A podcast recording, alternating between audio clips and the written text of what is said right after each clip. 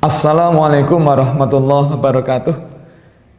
Alhamdulillahirabbil alamin alladzi arsala rasulahu bil huda wa dinil haqq liyudhhirahu ala dini kullih wa kafa billahi syahida. Asyhadu an la ilaha illallah wa asyhadu anna Muhammadar Rasulullah. Allahumma shalli wa sallim wa barik ala sayyidina Muhammadin wa ala alihi wa sahbihi ajmain.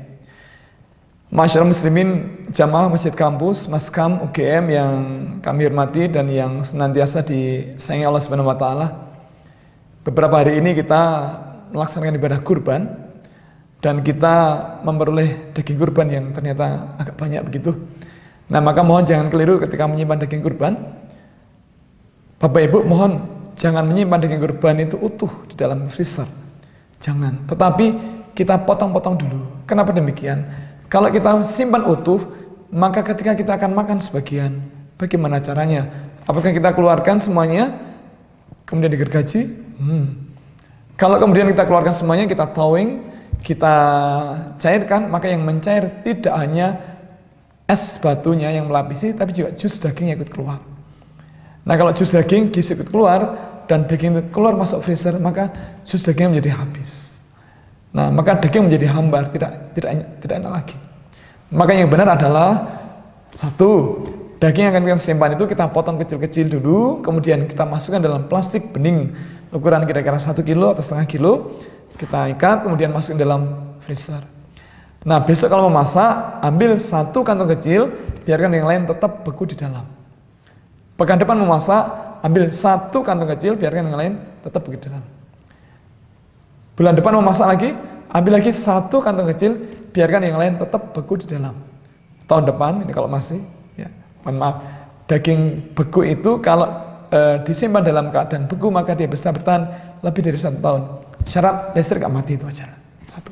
Yang kedua, kalau kita nyimpen daging, sebaiknya dicuci dulu apa? Tidak. Kalau itu daging ayam atau daging itik, maka kita cuci terlebih dahulu.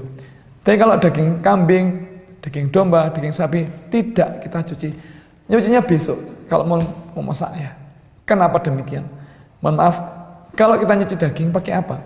Apakah pakai air galon? Kata, pakai air keran kan? Nah, air keran itu bersih apa kotor? Kotor, bukan bersih, kotor. Buktinya kita tidak pernah minum dari air keran. Kenapa? Karena ada kuman-kuman di situ. Nah, kalau kita cuci daging menggunakan air keran, daging yang permukaan daging yang sudah kering, dia jadi alum lagi. Kuman masuk lagi dan dia berkembang biak. Jangan lupa kalau kita nyimpen daging, daging tidak langsung celing beku tidak, tapi butuh waktu. Maka kuman-kuman dia berkembang biak masuk ke situ. Yang ketiga, kalau mau nyimpen daging, tolong mampir dulu dalam freezer, eh, maaf dalam kulkas yang sejuk di bawah itu. Biarkan daging di situ tersimpan kira-kira 10 sampai eh, mohon maaf 20 sampai 24 jam dari semalam sampai permukaan daging dan bagian dalam itu jadi sangat dingin kemudian baru kita pindah ke atas dalam freezer. Yang keempat, terakhir, besok kalau kita mau masak, ambil satu kantong kecil daging uh, yang masih terbungkus rapat dalam plastik, kemudian letakkan di bawah di dalam baskom. Nah, baskom kita letakkan di bawah air keran, kemudian kita buka air keran, biarkan air keran itu membasahi dan merendam daging itu. Nah, kemudian kita biarkan daging terendam sampai kemudian dia kembali empuk. Nah, setelah dia empuk, plastik kita buka, kita cuci bersih gitu. Kemudian kita potong-potong lagi sesuai kebutuhan kita kemudian kita berikan bumbu dan kita masak. Insya Allah itu cara yang paling baik. Mudah-mudahan kita bisa memanfaatkan daging kurban yang daging yang barokah ini uh, kita buat masakan yang barokah juga. Mudah-mudahan ibadah uh, kurban kita di tahun ini juga diterima Allah Subhanahu wa taala. Terima kasih. Assalamualaikum warahmatullahi wabarakatuh.